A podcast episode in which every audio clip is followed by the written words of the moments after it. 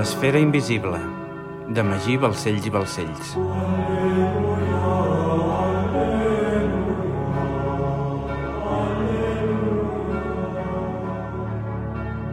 Capítol 14.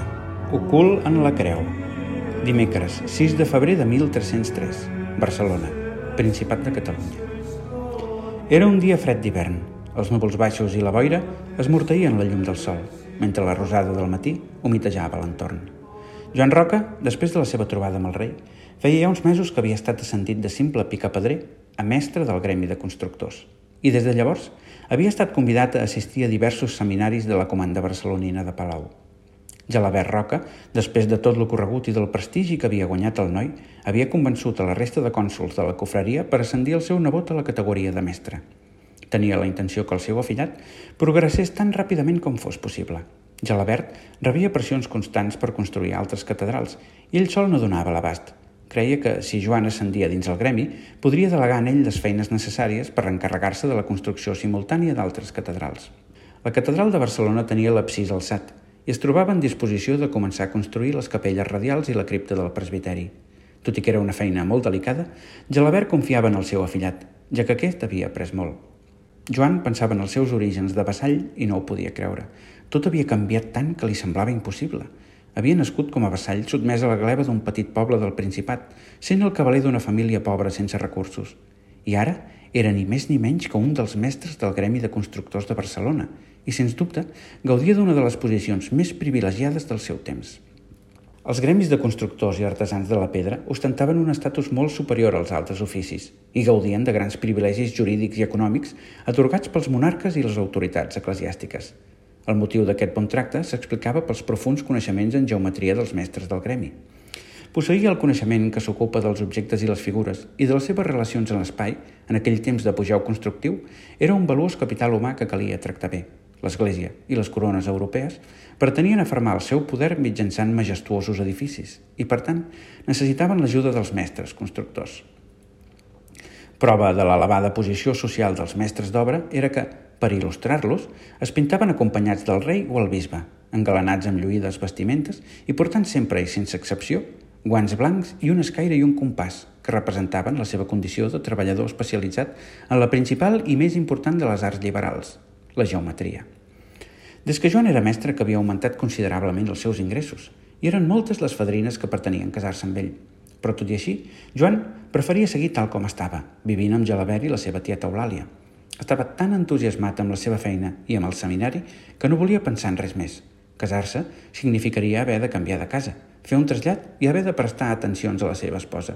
No és que Joan no se sentís atret per la bellesa femenina, al contrari, a la seva edat eren moltes les vegades que se li emboirava la ment amb imatges feminals. Tanmateix, se sentia més atret per la construcció i no volia sacrificar el seu temps amb cap altra cosa que no fos la geometria o l'obra catedralícia. Res l'entusiasmava més que la seva feina.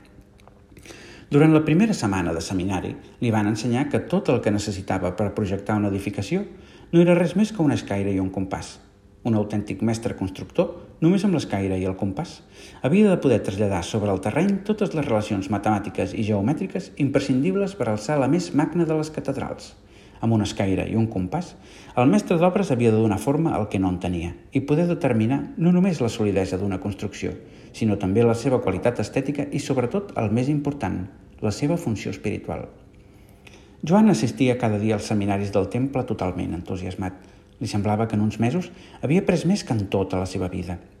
Un cop acabada la jornada a la catedral, baixava en direcció a la platja fins a topar amb l'extrem de la muralla romana, on hi havia la comanda de Barcelona, i allà s'estava sol amb un home del temple fins ben entrada la matinada.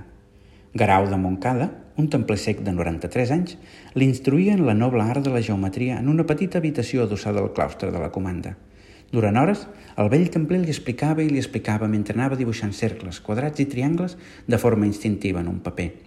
A Joan el sorprenia com un home sec podia traçar formes tan perfectes. I no només això, sinó que el vell sabia a la perfecció en quin moment precís havia de sucar la ploma al tinter per poder seguir dibuixant. Grau li deia que quan una cosa es feia amb el cor i amb la fe absoluta en un resultat determinat, de res servien els sentits humans.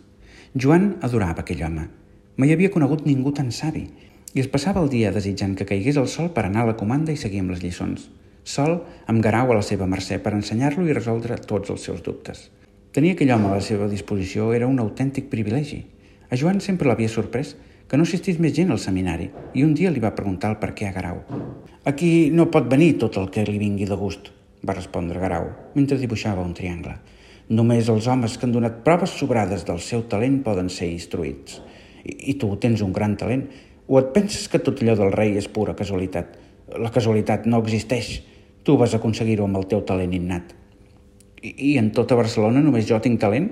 va preguntar Joan. Molts homes abans que tu han passat per aquí. Tots els mestres constructors del teu gremi han après el que saben aquí. I no només això. Aquesta no és l'única comanda de Catalunya. Cada comanda instrueix a joves com tu a tot el Principat i el mateix fan la resta de comandes de l'Orde del Temple. Hi ha 9.000 comandes a Europa, així que imagina. L'auge de la construcció que patia Europa des de feia uns segles requeria una elevada mà d'obra especialitzada, amb la qual cosa, quan algú destacava en les seves qualitats constructives, ràpidament era instruït per l'Orde del Temple. Un cos de constructors ben formats era imprescindible per poder plasmar el coneixement geomètric que requerien les obres que s'havien d'alçar per la major glòria de Déu. Malgrat tot, però, el nombre d'esglésies, catedrals, monestirs i convents no parava de créixer i només en els últims 50 anys a Europa s'havia mollejat més pedres que en tota la història d'Egipte. Aquest fervor constructiu havia creat una promoció de mestres constructors molt qualificada, però malgrat les ànsies del temple, insuficient per donar resposta a la demanda. Tot mestre constructor ha de ser capaç de traçar els plànols de qualsevol edifici, per molt complicats que aquests puguin arribar a ser, amb el sol ús de l'escaire i el compàs, li repetia Garau de Montcada cada dia. Des que Joan havia arribat al seminari, això és el primer que li havien explicat. Tota la retícula s'iniciava amb el compàs i el traçat del cercle, que ho contenia tot partint d'un punt.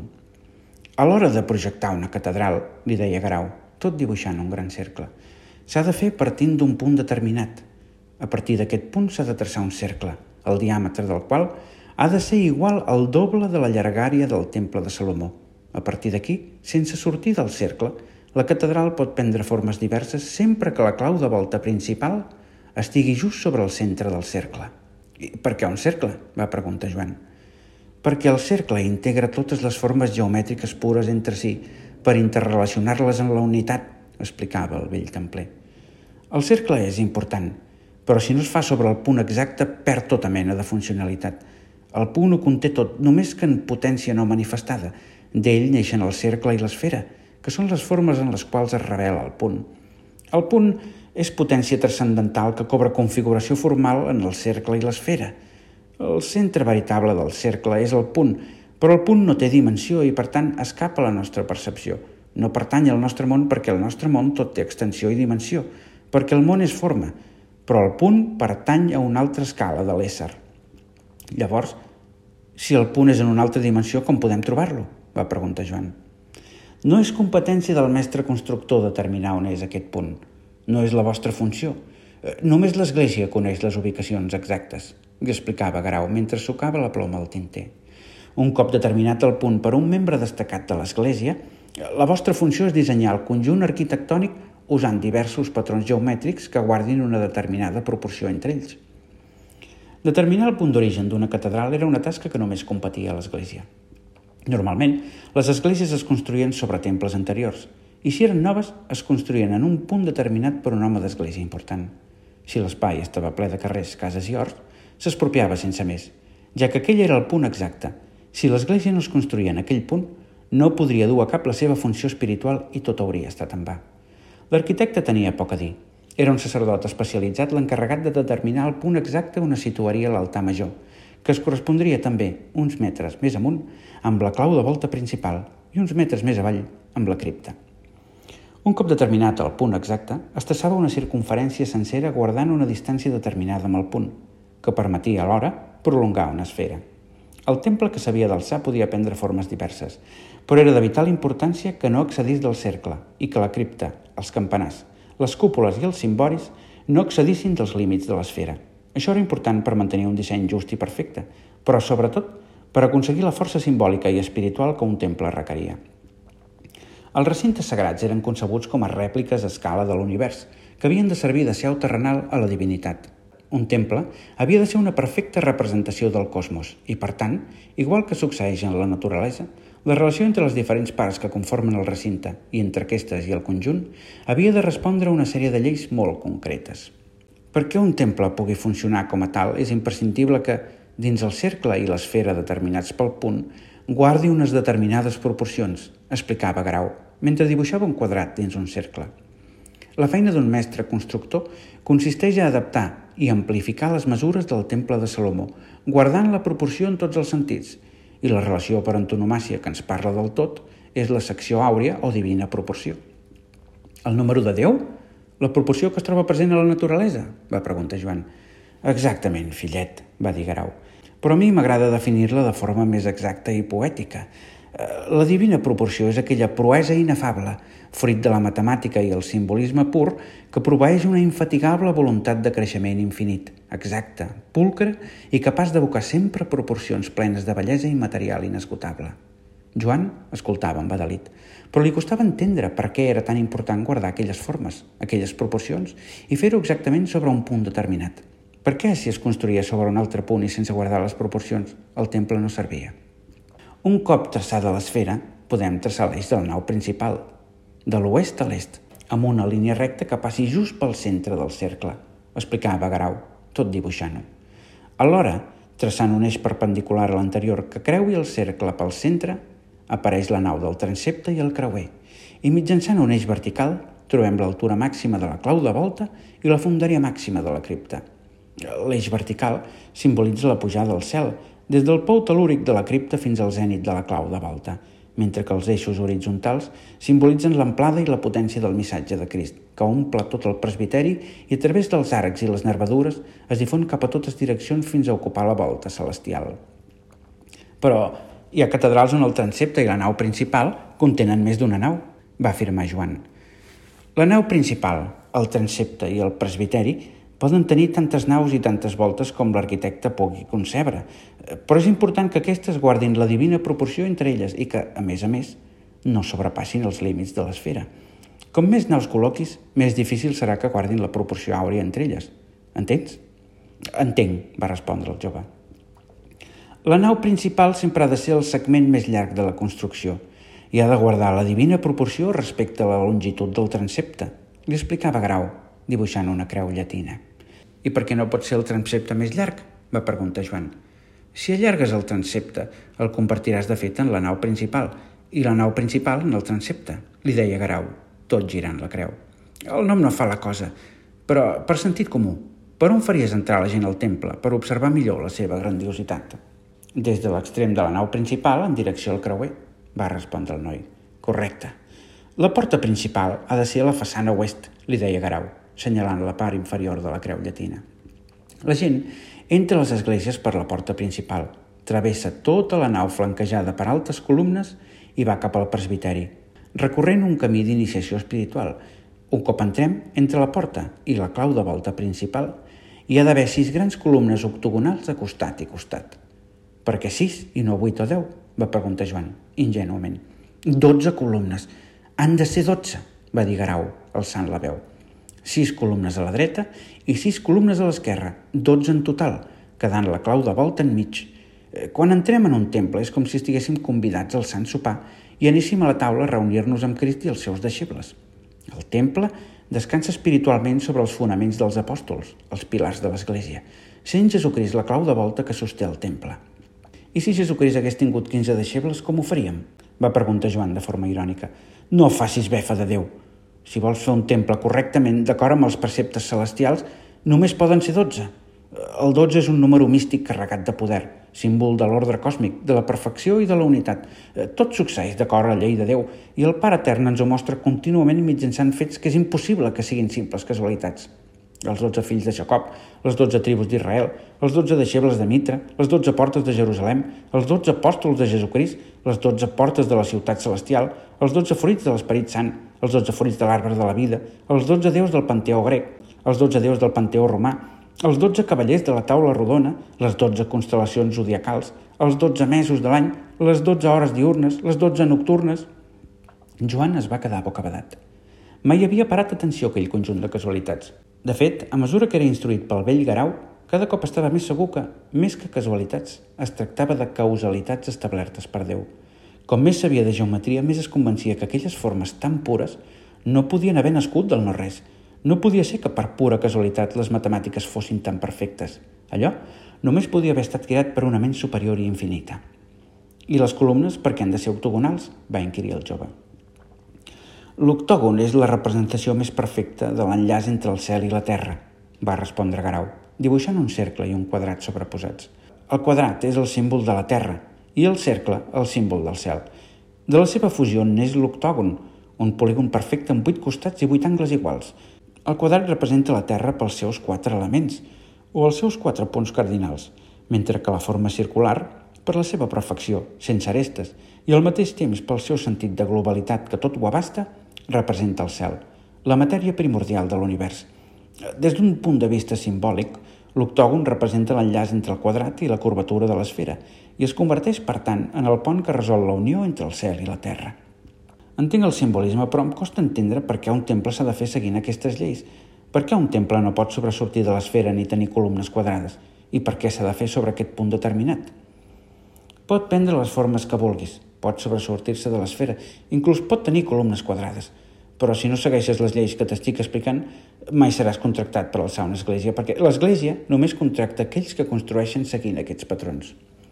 Joan entenia molt bé les propietats geomètriques i el simbolisme associat, però no entenia la intransigència de l'església. Si tot era un simple convencionalisme, es podia canviar sense afectar les propietats d'un temple. Centenars de vegades havia preguntat al vell Grau per aquest fet, però mai li havia donat una resposta convincent. Grau coneixia la curiositat del noi, li recordava a ell de jove. El trobava un jove extraordinari i amb el temps li havia agafat efecte. Sens dubte, era el millor alumne que havia tingut mai. Era llest i sagaç, a més a més de bona persona i excel·lent matemàtic. El que la resta d'alumnes havien tardat mesos a resoldre, a Joan li havia costat només uns dies. Joan preguntava i Garau responia, però només fins a un límit que mai traspassava. Joan mirava de fer la mateixa pregunta d'una altra manera, per treure informació al vell i apaivagar la seva curiositat. Però Garau es mantenia ferm. Malgrat tot, però, la senectut aviat s'acarnissaria amb Garau fins a desvirtuar-li els sentits, i Joan ho entendria tot. Un dia, cap a les nou del vespre, mentre Garau li explicava la funció dels arbotants, va començar a suar de forma desmesurada. Les gotes descendien des del seu front cap al nas i Garau tenia dificultats per seguir les lliçons amb normalitat. Va sentir que es marejava i que li xiulaven les orelles. Es va aguantar el cap amb les mans i després d'un instant les orelles van deixar de xiular. Quan va alçar el cap, tot havia canviat. De sobte, va posar la ploma sobre el paper i es va quedar immòbil. Un cercle apareixia en la seva ment, però ara, sense entendre per què i sense ser conscient del que li estava passant, no era capaç de dibuixar-lo. Eh, «Què us passa, mestre?», li va preguntar Joan en veure-ho. Mestre? Eh, per què em dieu mestre? va dir Garau. Fa molta calor. Garau es va alçar i va començar a treure's la roba i a fregar-se la suor del front. Es va treure la casulla, quedant només amb una fina camisa i el collaret de les vuit benaurances. Es va seure una altra vegada i va dir eh, «Ja estic a punt. Podeu posar-me a prova. Pregunteu el que vulgueu». «Segur que us trobeu bé?» Va preguntar Joan, inquiet. «És clar que sí. Pregunteu», Grau havia perdut la noció del temps i l'espai i es veia a ell mateix amb 30 anys passant la prova que l'acreditava com a mestre de mestres d'obra. La ment el confonia i projectava imatges de joventut de forma tan clara que ja no era ni conscient que estava sec. Creient la veu de Joan com la d'un templer, va començar a respondre tot el que el noi li preguntava sense mossegar-se la llengua. Eh, «Va, pregunteu-me», deia el vell. Joan, davant d'aquella actitud, creia que alguna cosa no anava bé però veient la insistència de Garau, estava decidit a preguntar. Només uns minuts abans, Garau li explicava la importància de la geometria com a llenguatge. Així que Joan li va preguntar «La geometria és un llenguatge, però què ens transmet aquest llenguatge?» eh, Les substàncies que generen totes les coses ens parlen amb el llenguatge de la geometria. La geometria és el cos de l'energia, el cos d'un poder diví que, en plasmar-se en la seva substància receptiva del món, la fa intel·ligible l'ordena en conjugar i harmonitzar les seves parts disperses. Joan es va quedar callat, intentant entendre el que Garau acabava de dir, i al cap d'un instant va preguntar ple de curiositat. El cos de l'energia? Tot l'univers prové de la intel·ligència universal, explicava el vell templer amb entusiasme. Intel·ligència que alguns anomenem Déu, Crist, Alà o, Mare Naturalesa. I la geometria sagrada és el verb d'aquesta intel·ligència. Tot el que existeix va ser creat amb el mateix verb, seguint els mateixos principis bàsics. Des d'un simple àtom fins al Sol, les estrelles o la més immensa galàxia de l'univers segueixen un mateix patró geomètric idèntic. Tots vibren i giren uns entorn als altres. Eh, com n'esteu tan segur? Durant segles els monestirs benedictins van traduir els textos matemàtics grecs i alexandrins, l'obra d'Euclides i el tractat de Vitruvi, la mística pitagòrica dels nombres i la geometria dels sòlids platònics, i la seva relació amb les raons harmòniques de l'escala musical. I les matemàtiques sempre ens han servit per confirmar aquests coneixements. Les matemàtiques no fallen. És un absurd creure que els resultats matemàtics són fruit de l'atzar. No pot ser que els resultats d'un llenguatge tan perfecte siguin fruit del no-res. A més a més, en tenim la prova. Quan l'ordre del temple va ocupar la cúpula de la roca i va escapar entre els fonaments del temple de Salomó, va trobar la prova irrefutable d'aquest coneixement, el tresor del temple. Quin coneixement? va preguntar Joan. La veritat de Déu, l'existència d'una ment universal pura i eterna, que obre mitjançant el seu verb geomètric per conferir la vida a tots els éssers pensants que el conformen. Una intel·ligència universal que és la suma indivisible de totes les ments vivents. L'univers és una xarxa de cossos geomètrics connectats per on circula l'energia de la llum, l'energia que anima i dona vida a la matèria. Vos, jo i tots els éssers vius del planeta estem connectats a través d'aquesta xarxa geomètrica, que al seu torn recobreix la Terra sencera i la connecta amb l'univers. La xarxa que envolta la Terra està conformada per una matriu icosaèdrica de 20 triangles. Aquestes matrius són enreixats que cobreixen el nostre planeta, el nostre cos, els nostres llocs, les nostres cèl·lules, àtoms, i modulen l'energia llum que sosté i crea les formes. La xarxa fa que les sensacions i idees que experimenti un individu arribin a cadascun dels éssers vius del planeta. És per això que a vegades ens sembla estar vivint una situació que ja havíem viscut. És per això que a vegades, sense explicació ni fonaments, experimentem felicitat o por. Per això, quan somiem, podem experimentar sensacions absolutament reals sobre coses que mai hem viscut. Quan el primer home primitiu va aprendre a fer foc, automàticament la resta d'homes del planeta, encara que estiguessin separats per oceans i enormes distàncies de terra, van començar a fer el mateix. Tot està interconnectat. Déu és la suma de totes les consciències individuals de l'univers. I quina relació tenen les esglésies amb tot això? Les esglésies estan col·locades sobre els punts per on flueix l'energia de la Terra. Les fonts de poder canvien l'energia cap a cadascun dels vèrtexs de la matriu icosaèdrica, els llocs per on flueix l'energia de la llum. Els temples han de reproduir els patrons geomètrics universals per canalitzar l'energia de la forma més eficient possible, els discursos pronunciats dins una església que sigui un autèntic temple ressonen sobre totes les ments vives del planeta, influint sobre els homes per governar sobre l'espai-temps de l'univers. Joan estava bocabadat. Li costava assimilar el que aquell home estava dient, però tenia sentit. Aquesta és la veritat, deia Garau. Una veritat només accessible a uns pocs templers i als membres de la Massien du Sang Real. Eh, què és la Massien du Sang Real? va preguntar Joan. La germandat secreta que agrupa els millors mestres constructors del món, aquells amb el talent suficient per entendre el coneixement trobat pels templers a la cúpula de la roca. I on es troba aquest coneixement? El tesor del temple està amagat i els pocs textos que en parlen estan encriptats amb l'alfabet templer per protegir-los i posar-los a disposició únicament del temple. Eh, quin alfabet? va preguntar Joan. L'alfabet va ser creat partint de la creu que tots els templers portem penjada d'una cinta, deia Garau tocant-se el collaret. La creu de les vuit benaurances. Les lletres d'aquest alfabet sorgeixen de la geometria present en la creu. Si es col·loca la creu de les vuit benaurances dins un quadrat i al seu torn aquest quadrat es divideix en nou quadrats perfectes, dona lloc a diferents formes, angles i punts. Inscrita la creu en un polígon, forma un octògon i traçades les diagonals entre els quadrats petits, s'obté la creu pater. Joan, mentre Garau anava parlant, va agafar un paper i l'esquadra i va començar a dibuixar seguint les indicacions del vell. A partir d'aquí, continuava Garau, les formes que apareixen representen una lletra. Quedant-nos només amb les diagonals més llargues que passen pel centre, obtenim les primeres lletres. L'angle que apunta cap a baix és la A, i seguint la direcció de les agulles del rellotge, obtenim la B, la C i finalment la D. Joan va traçar el que Garau indicava.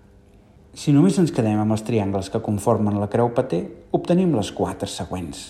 E, F, G, H. Si aquests triangles i sumem els polígons adjacents creats per la superposició del rombe, obtenim les quatre següents. I, K, L, M. Si ens quedem només amb l'encreuament vertical de les diagonals més llargues, obtenim la lletra del mig de l'alfabet, la N. Finalment, per obtenir la resta de l'alfabet, hem de repetir la mateixa regla però posant un punt enmig. Joan va repetir l'operació fins a completar l'alfabet. Mentre el vell seguia parlant, Joan va mirar cada dibuix per separat i va contemplar bocabadat l'alfabet templer en la seva totalitat.